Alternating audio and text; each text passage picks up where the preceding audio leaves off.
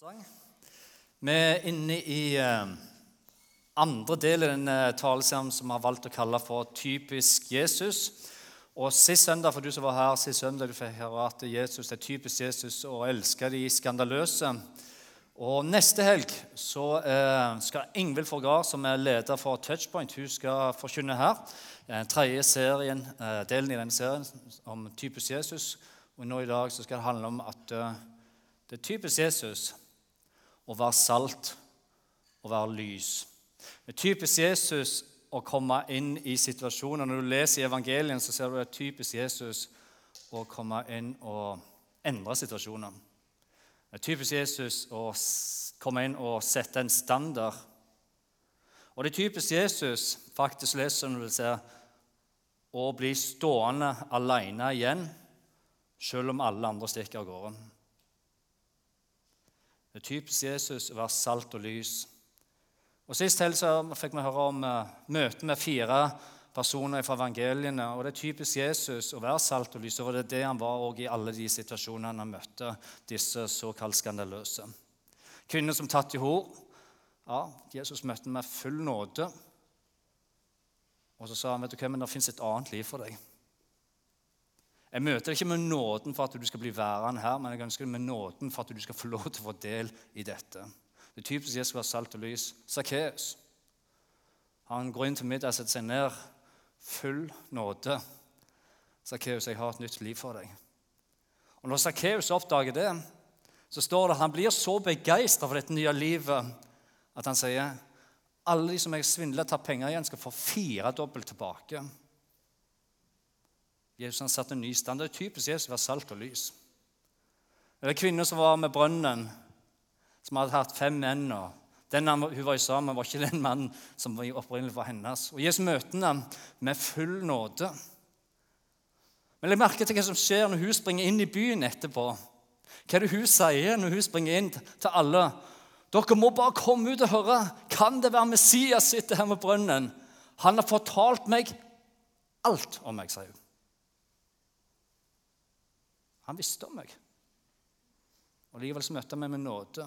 Men han sa vet du hva, jeg har ikke lyst til du skal bli værende her. Jeg har et nytt liv for deg. Typisk Jesus å sette en ny standard og si dette er det som jeg ønsker for ditt liv. Salt og lys. Røveren på korset. Typisk Jesus være salt og lys også der. Full nåde med en gang. Jesus, husk på meg når du skal hjem i riket ditt. Full nåde. Jeg har et nytt liv for deg. Og i dag skal du få være med meg inn i paradis. Det å være salt og lys, å ha den kjærligheten, og gi den kjærligheten. Å bli værende og ikke stikke av. Midt i mørket være lys, midt i mørket være salt. Og sette en ny standard. Og hvorfor gjør Jesus det? Jo, fordi det er typisk Jesus å være salt og lys. Så det vi skal gjøre i dag, vi skal inn i bærpreken i Matteus 5. Og for du som ikke vet hva bærpreken er, kanskje, eller du som ikke har hørt om bærpreken, bærpreken er kanskje den mest populære talen som Jesus hadde. Og han eh, en lang tale, han var over tre kapittel. Hvis du ikke har lest den, og hvis du kunne tenkt deg å lese den, så vil jeg bare anbefale deg i løpet av uka å gå inn i bergpreken og les hva Jesus sier der. Eh, da blir du kjent med Jesus. Hvem Jesus er, og hva han ønsker. Og så vil jeg bare si det, Hvis du gjør det, så vil jeg bare si til deg du kommer til å bli utfordra av Jesus.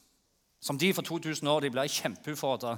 Hvis du leser Matteus 5, 6 og 7 Du kommer til å bli utfordra av Jesus fordi Jesus han snakker om eh, fattigdom, og det treffer oss bom. Han snakker om det å være rik. Og det treffer oss bom. Han snakker om ekteskap, og det treffer oss. Han snakker om det å hate og det å elske sine fiender. Han snakker om penger og forvaltning og hva som er Guds rike standard. Og det treffer oss bom. Og han snakker om fortapelse og om himmel. Så hvis du leser Bergprekenen, så kommer Jesus til å utfordre deg Men jeg vil virkelig anbefale deg la han gjøre det. La han få lov å gjøre det. Før vi skal gå videre, så har jeg bare ett spørsmål å stille dere. Um, og Spørsmålet mitt i dag er dette her. Har det noen gang vært sånn for deg, har det noen gang vært sånn at du skulle ønske Jeg vet det er et rart spørsmål. Men har det noen gang vært sånn at du skulle ønske at du ikke var en kristen? Ganske rart spørsmål å stille på en gudstjeneste og en kirke. Men har du noen ønske at akkurat nå kunne jeg tenkt deg ikke var en kristen? Sånn at uh, du ikke hadde navnet for å være kristen, så kunne du tatt igjen. Sagt noe, gjort noe, vært på måten som du ikke kan når du er kristen. Har noen vært i en situasjon der du kunne tenkt deg å sagt Dette er såpass ubehagelig at her ønsker jeg ikke å være kristen lenger. Har du noen gang ønsket at du ikke var kristen? Som pastor så har jeg dette ofte for tida. Ofte har jeg dette. Og jeg er så glad for at det ikke er meg som er pastor, for da trenger ikke jeg å ta stilling til det. Og på en måte så forstår jeg det veldig godt. At flere sier det av ulike grunner. Men det blir jo litt det samme som å si Det er så bra at du er pastor, jf. jeg er bare en kristen.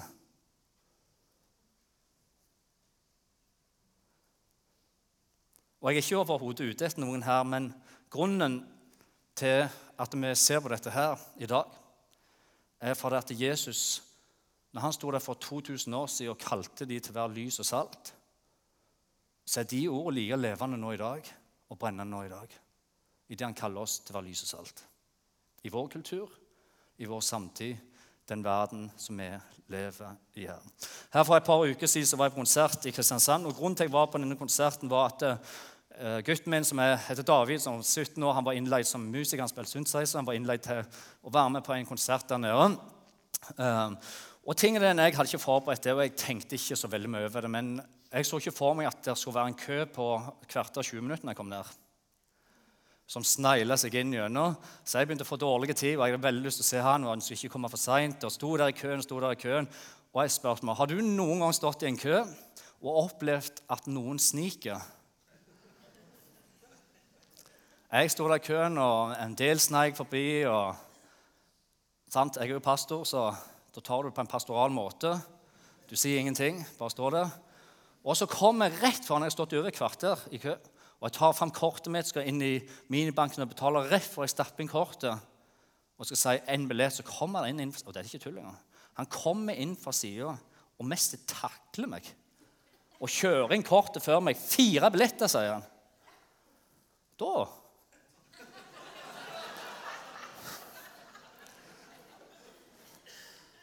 Da eh, skjedde det noe, på en måte. Og jeg skulle ønske jeg ikke var pastor. Og jeg skulle ønske jeg ikke var kristen. For det jeg virkelig hadde lyst til å gjøre, var å si noen gloser og takle han sånn cirka i knehøyde.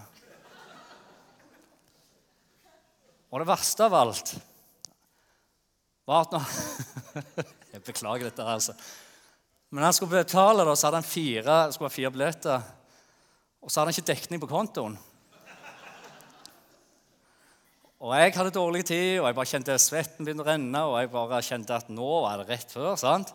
Og så måtte han begynne å fikse i banken. Han sto der med telefon og kortet sto og pipte der. Stakk. Han var sikkert stressa, han òg. Og jeg ble ikke blidere, for å si det sånn. Og så fiksa han med banken, og så betalte han billettene. Det er noen ganger jeg skulle ønske jeg ikke var pastor, altså. Sånn at jeg kunne bare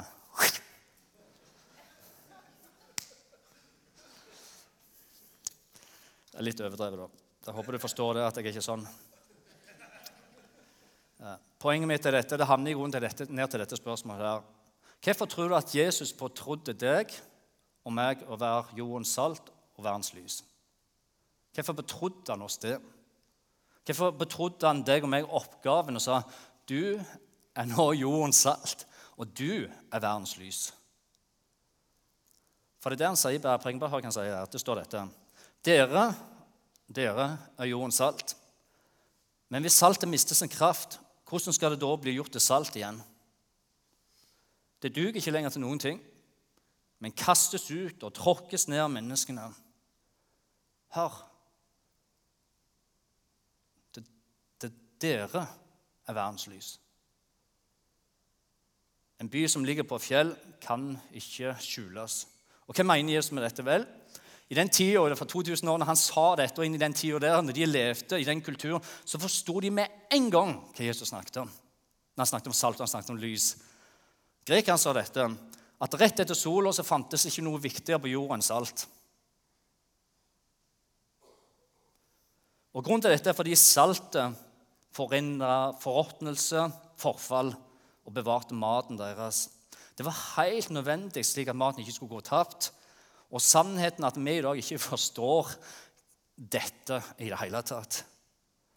Men når Jesus sa det, så forsto det med en gang. Vi, I dag så har vi frysere som bevarer maten, og, og saltet det bruker vi i grunnen bare som krydder. Det blir liksom veldig søtt eller får en annen smak på maten. Så når Jesus snakker om salt, så tenker vi Men det er ikke det han snakker om. Og når han sa det, så forsto de med en gang at dette er livsnødvendig. Faktum er det, På den tida betalte den romerske hæren soldatene sine mange steder i salt istedenfor penger. Så verdifullt var det. Så når folket hørte Jesus snakket om salt, og han brukte som eksempel på ditt liv, og sa at du er jordens salt, så forsto de med en gang hva dette handler om. Av hindre forråtnelse. Verdifullt. Står for noe her. Og så sier Jesus dette. Hør. Og det står ikke dette, men det var det folkene hadde før seg. Han sa, 'Hei, jeg vet at du kjenner deg knust.' 'Jeg vet at du tenker at dette passer for noen andre og ikke meg.' 'Jeg vet at du kan kjenne deg som en synder, og du takler ikke livet sånn som du burde.' 'Jeg vet at du kjenner deg svak.' Og lurer på meg, er det gjelder dette meg. Er det meg du snakker til? Men hør Du er jordens salt. I den tida du lever, så er det deg jeg mener, sier Jesus. Du er jordens salt. Det er ikke kongen, det er ikke statsministeren, det er ingen regjering jeg snakker til. Det er ikke noen populær predikant som skal komme inn og feie av gårde og liksom sette standard. Nei, det er ikke noen musikkstil eller det er ikke noen stil i det hele tatt. Det er ikke det jeg snakker om, sier Jesus. Det jeg snakker om, er at eh, jeg valgte å dø på et kors. Jeg kom ned. Og Jeg sto opp igjen og jeg ga den oppgaven videre og sa du er jordens salt nå i dag. Og Så stopper ikke Jesus det, men han fortsetter og sier har dere er verdens lys. Og akkurat som det med saltet, så når Jesus snakker om det var verdens lys, så forsto de som hørte det for 2000 år siden, med en gang hva Jesus snakket om. Og igjen for oss vanskelig, for vi går bare bort til en vegg og så trykker vi en bryter. Vom, så er det lys. Setter oss i bilen. Vom, det er lys. Overalt hvor vi er, og hvor vi er ferdig, så er det lys på gatene og overalt. Men på den tiden når Jesus snakket om å bevare lyset brennende, så visste de hvis ikke jeg gjør det, så blir det mørkt. Da snubler jeg framover i mørket. Så hvis jeg vil ha lys, så betydde det for deg når Jesus sa det, da må jeg holde ilden brennende ved like, sånn at ilden og lyset kan få skinne i mørket. For hvis ikke jeg holder det brennende, så blir det totalt mørkt. Så når folk hørte det på den tida, så forsto de med en gang hva Jesus visste. Dere er verdens lys. Hold indelen ved like. Og så sier Jesus, men hvis saltet mister sin kraft, hvordan skal det da bli gjort til salt igjen? Det duger ikke lenger til noe, men kastes ut og tråkkes ned av menneskene. Og nå vet ikke jeg om du har tenkt på dette her noen gang, men hvordan mister i grunnen saltet sin kraft? Hva er det om Jesus snakker om her når saltet mister sin kraft? Det mister jo ikke sin kraft av seg sjøl. Nei, det mister sin kraft, og det mister sin smak, og det mister sin, det som det var meint til var, når noe annet kom inn i kontakt med saltet og forurenser det. Når andre krydder, fuktighet osv. kom inn, da mister saltet sin kraft. Og igjen, De som hørte dette, når Jesus fortalte det, de visste med en gang, de forsto det med en gang hva han mente. Fordi på den tida så var saltet så verdifullt for dem at de lagra det nest som gull i banken. Ingenting annet fikk være i kontakt med det. Dette skal bevares fordi det er så verdifullt. De lagrer det som pengene i banken for å holde det rent og smakfullt. Hvert eneste år så kommer det statistikker, og jeg leser disse statistikkene. og Det kommer statistikker på hvor mange medlemmer det er i de forskjellige kirkesamfunnene i Norge, og hvor mange kristne som cirka aktive det er i menighetene. Og, og, eh, En pastor som heter Ed Stetzer fra Amerika, han er, han er, veldig kjent. Han er forfatter, han er forsker, forskningsmann, og han er en kristen misiolog. Han eh, har forska på dette og han skrev i bok om disse undersøkelsene og hva som skjer, og hva som beveger seg i kristenlandskapet i den vestlige kulturen. Og det som han gjorde, da, var det at han landet ned på vet du hva? Det er tre grupper i den vestlige kultur. Han kalte det for tre grupper kristne. og all, Jeg ønsker ikke å sette disse tre gruppene opp imot hverandre, men det er litt interessant han skriver. Fordi han skriver at Den første gruppa av kristne som har i dag den vestlige kulturen, i det vi sekulariseres, eh, kulturkristne, kalte han de for. Det vil si, ja, de er kristne, og de sier 'jeg er udøyvd og konfirmert', lever i et kristen land. Er ikke jeg en kristen? Og han kalte de for kulturkristne. Den andre gruppa valgte han å kalle for høytidskristne. Og det er denne eh, gruppa og igjen, Jeg er ikke ute etter å ta noen her, eller sette noen ting opp mot hverandre, men det er en gruppe som eh, jeg, jeg, går på julaften, og jeg er innom på påske. Og noe andre gudstjenester. Høytidskristne. Og Den tredje gruppa valgte Stesta å kalle for de overgitte kristne. da. Og Grunnen til han kalte disse for de overgitte, er fordi disse kristne har en dyp overbevisning om, det som Bibelen sier er sant. De har en overbevisning om at Jesus døde på korset, og han sto opp igjen for dem. Og det fins en fortapelse, og det fins en himmel. Det var den tredje gruppa. Og så skriver et sted videre dette, og det er utrolig interessant å få med seg. Men det han skriver dette, I den sekulariseringen som skjer nå i den vestlige verden, så uh, av de tre gruppene så er det to grupper som menneske, og som sannsynlig kommer til å dø ut. mens den tredje gruppa er voksende. Med andre ord, mens vi sekuliseres i den vestlige verden, så blir skillet på gruppene større og større. Og det han skriver dette, er at De to første gruppene, som han kalte for kulturkristne og høytidskristne, de er virkelig synkende i antall. Mens den tredje gruppa, som var overgitt kristne, som trodde Jesus døde og sto opp igjen, og det fins en fortapelse, det fins en himmel, de er i voksende gruppe i det landet sekuliseres. Og Grunnen til dette skriver han, er fordi presset i samfunnet og i media Når presset kommer, og det blir større og større og større Og de som da er kristne, og som kaller seg for kristne, som har navn på seg å være kristne, blir utfordra Står du virkelig for dette?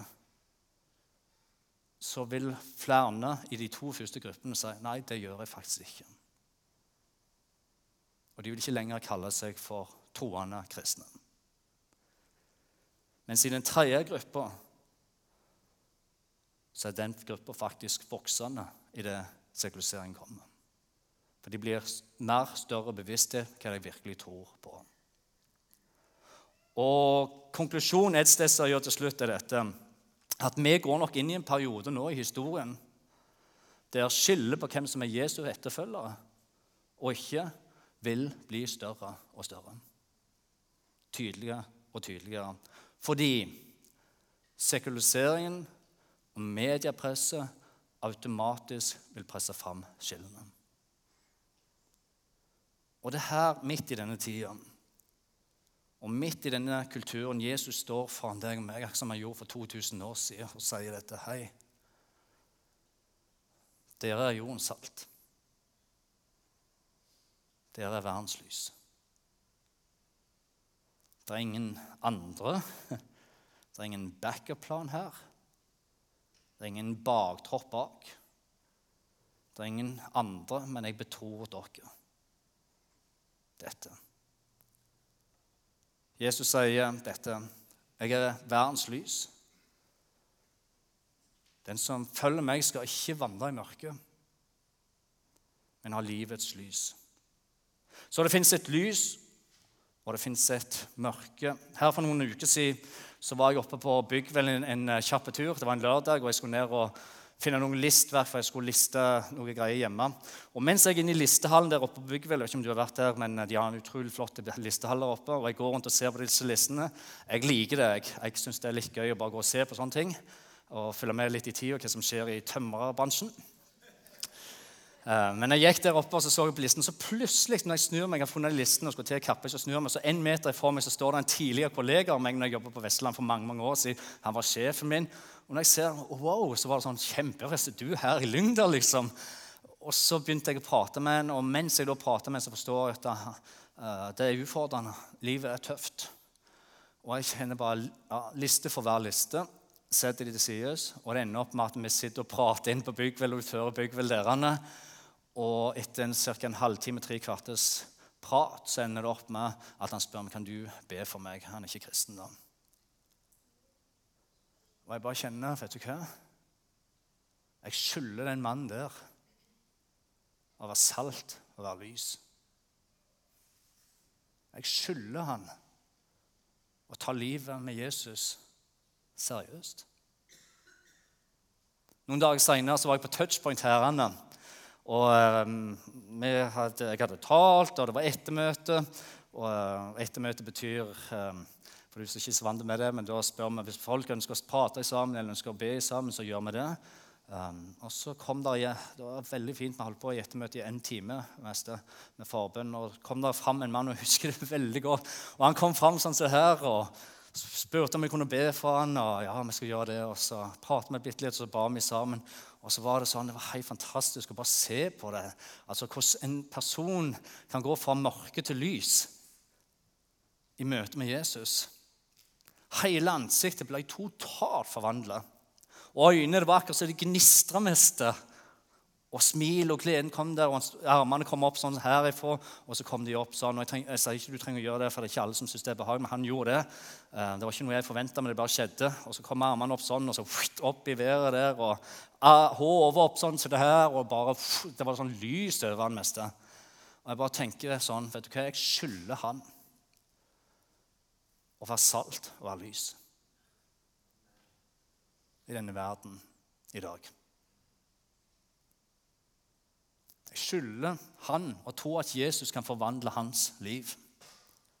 Og jeg fikk lov til å se det rett framfor meg. Og vet ikke hva du tenker dette her, men sannheten er det at jeg tenker det at det er jo faktisk et privilegium da, å la lyset få skinne i mørket. Og saltet får lov til å være til stede, slik at en ser Jesus virke sånn.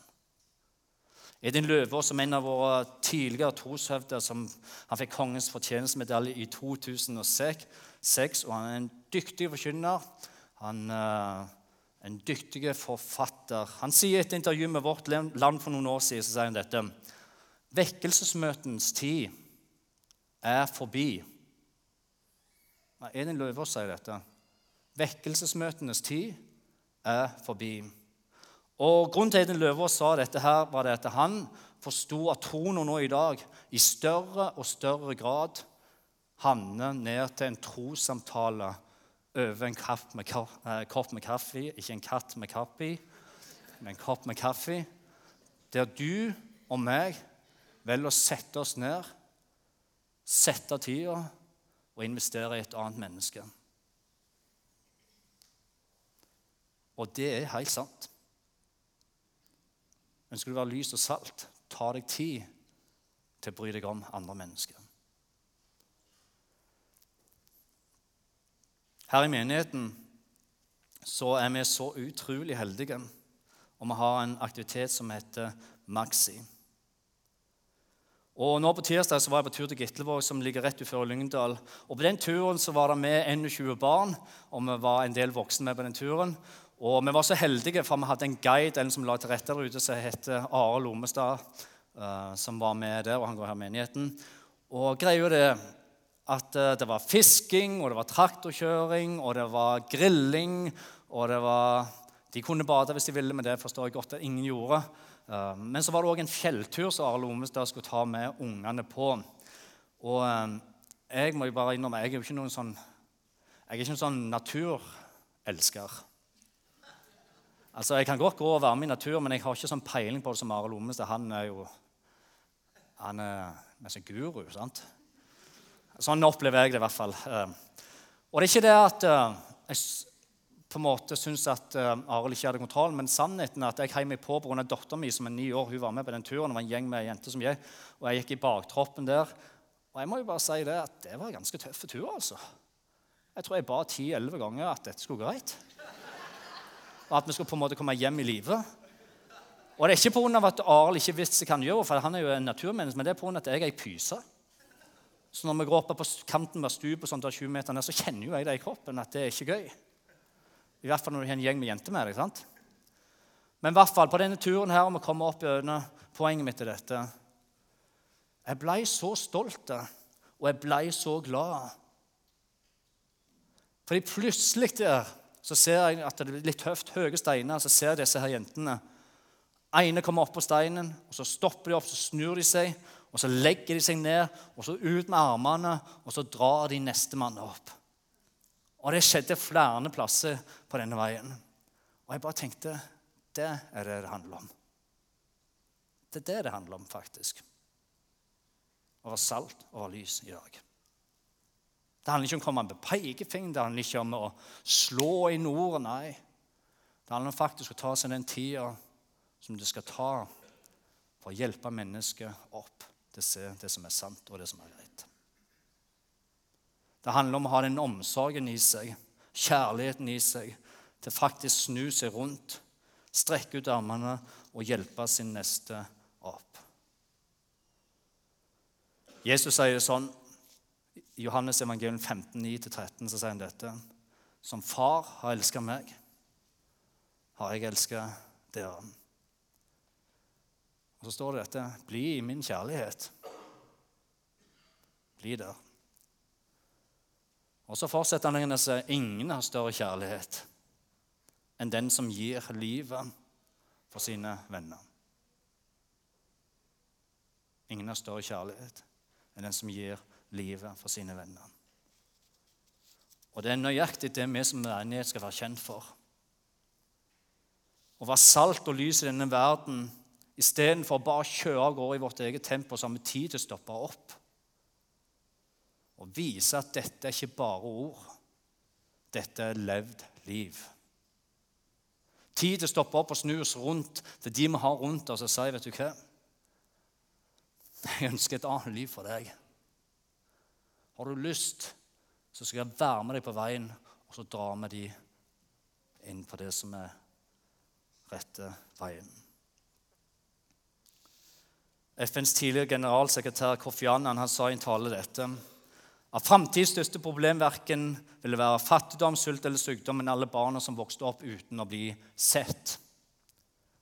Tingen er den at vi lever i et land som er stadig rikere på penger og ting men samtidig fattigere på dype relasjoner.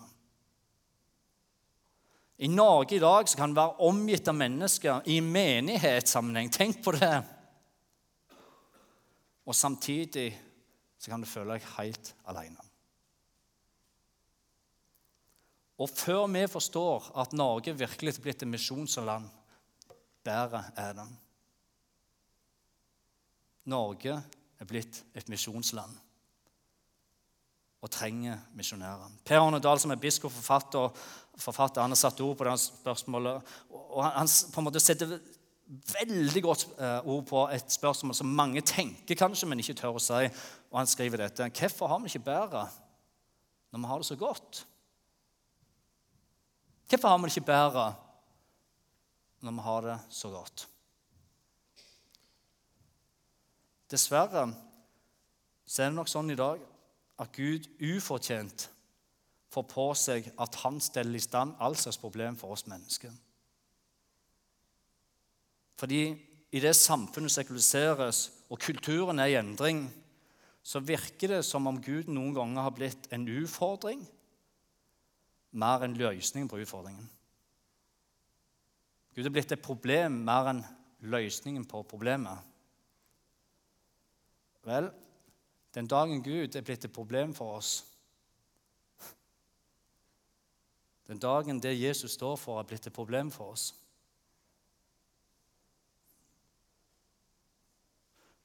Det er den dagen vi trenger hjelp. For det Gud virkelig er, er at han var redningsmann. Han er vårt eneste håp. Han er vår frelser. Han valgte å stoppe opp med deg og meg og komme ned og løfte oss opp. Han stikker ikke av gårde, men han står og venter til vi er klare til å gå videre. Ta den tida vi trenger. Han ga seg sjøl for oss alle. Han valgte å strekke seg ned. Han kom med nåde, håp, trøst, helbredelse, frihet, oppstandelse og nytt liv. Og et løfte om en evighet i himmelen. Johannes, som en av disiplene skriver til Jesus, han skriver dette. Ja, dette er kjærligheten. Ikke at vi har elska Gud, med at han elsker oss og sendte sin sønn til soning for våre synder. Og Hvorfor ga Gud sin sønn vår, for våre synder? Jo, fordi han elsker deg. Og han elsker meg. Og det er hele kjernen i kjærligheten. At Gud elsker først. Johannes fortsetter, så skriver dette. Min kjære, har Gud elsket oss slik, ja, da skylder vi å elske hverandre. Alle mennesker. Vi skylder å elske alle mennesker. Og Sannheten med disse ordene dette her, som Janne skriver, at de er i vår kultur, i vår tid, radikale. De er radikale, for de nekter seg å tilpasse seg samfunnsendringer eller kulturskifte eller sekulisering. De er fullt av salt og lys, de er kraftfulle og de ufordrer og skjærer ned helt til beina, og så krever de et svar for oss. Jeg begynte i dag å stille dette spørsmålet, og nå skal jeg snart lande. Men spørsmålet var, har, har noen gang vært sånn for deg at du skulle ønske at du ikke var en kristen? Fordi kostnaden kjennes for stor akkurat der og da. Vel, sannheten er det at det går an å forstå. Det går an å forstå at vi til tider tenker at det koster med å være salt og lys, den blir stor. Men så er ikke det heller hovedmålet i vårt liv å bygge vårt eget rike. Det er ikke hovedmålet heller å bli populær. Det er ikke hovedmålet i vårt liv å få det sånn som vi vil sjøl, få ting som vi vil sjøl. Hovedmålet er ikke hvor mye det kan handle om det jeg tenker og mener men hvor mye jeg kan gi av meg sjøl videre. Ikke bare med pengene, men med tida, i relasjonene våre, våge å være salt og lys. Jesus sa det sånn som dette, at det kommer ned til to ting. dette. Det kommer ned til to ting. Og Den første er nummer én. Elsk Herren Gud av hele ditt hjerte, av hele din sjel og all din forstand. Elsk Herren Gud. Nummer én mål i livet ditt og mitt ha en relasjon til Gud. Og Mål nummer to er dette elsk din neste som deg sjøl. Mål nummer én og mål nummer to. Elsk din neste som deg sjøl. Og sannheten er den at kjærlighet er beinhardt arbeid til tider. Kjærlighet krever offer, og det krever at du setter faktisk deg sjøl til side. Det handler om å gi og det handler om å gjøre ting du av og til ikke ønsker å gjøre. Det handler om å tjene andre mennesker. Og det handler om å kjenne vet du hva, dette her, det koster. Ja, kjærlighet, det koster. For det handler ikke om deg sjøl, først og fremst. Det er en kostnad. Det er hardt. Og det er òg sannheten om kjærlighet. Tingen er Hvis du bruker livet ditt, ressursene dine, det du har fått, bare på deg sjøl Hvis du tror at livet ditt handler om å gjøre og følge kulturen da, og fòre deg sjøl med underholdning eller hva det skulle være, så kommer du til å miste det. Så kommer du til å miste livet som det var meint å leve. For Guds mål med livet ditt er overhodet ikke Og det handler ikke om hva verden har å tilby. Og, og, og, og, det er derfor Jesus deler disse ordene for 2000 år siden, og, at de er like levende nå i dag. Her, Vær lys og salt. Det handler ikke om deg, men det handler om noe som er større. Elsk Gud av hele ditt hjerte, og elsk din neste som deg sjøl. Det handler ikke om deg. Og Det er også derfor de ordene står der. Dere er jordens salt. Dere er verdens lys. Helt til slutt, i Romerbrevet 14,12 så står det dette. Framfor Gud skal enhver av oss avlegge regnskap for seg sjøl. Og helt til slutt, helt, helt til slutt bare tenk, tenk, tenk hva vil det si for oss? En dag så skal Gud sammenligne energien og ressursene vi valgte å bruke på oss sjøl, i forhold til å investere i andre.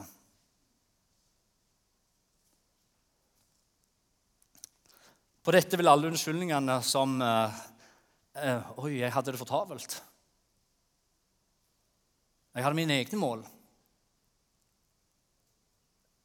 Jeg hadde ikke tid til å følge din målsetning, Jesus. Jeg hadde ikke tid til å stoppe opp bruke tid på andre. Jeg måtte jo realisere meg sjøl først. De unnskyldningene vil falle veldig fort til bakken. For sannsynligheten er nok stor for at Gud da vil svare på disse unnskyldningene og si feil svar. Feil svar. Jeg skapte deg, jeg frelste deg, jeg kalte deg, jeg elsket deg. Jeg ønsket at du skal tjene andre. Jeg kalte det for lys, og jeg kalte det for salt. Ja, jeg vet at det koster. Og Det stemmer at skillet ble større og større. Ja, Det stemmer at det skjedde i kulturen. Sekuliseringen kom. Ja, Det stemmer at kjærligheten den koster. Og det stemmer at du noen ganger ikke hadde lyst til å være kristen engang.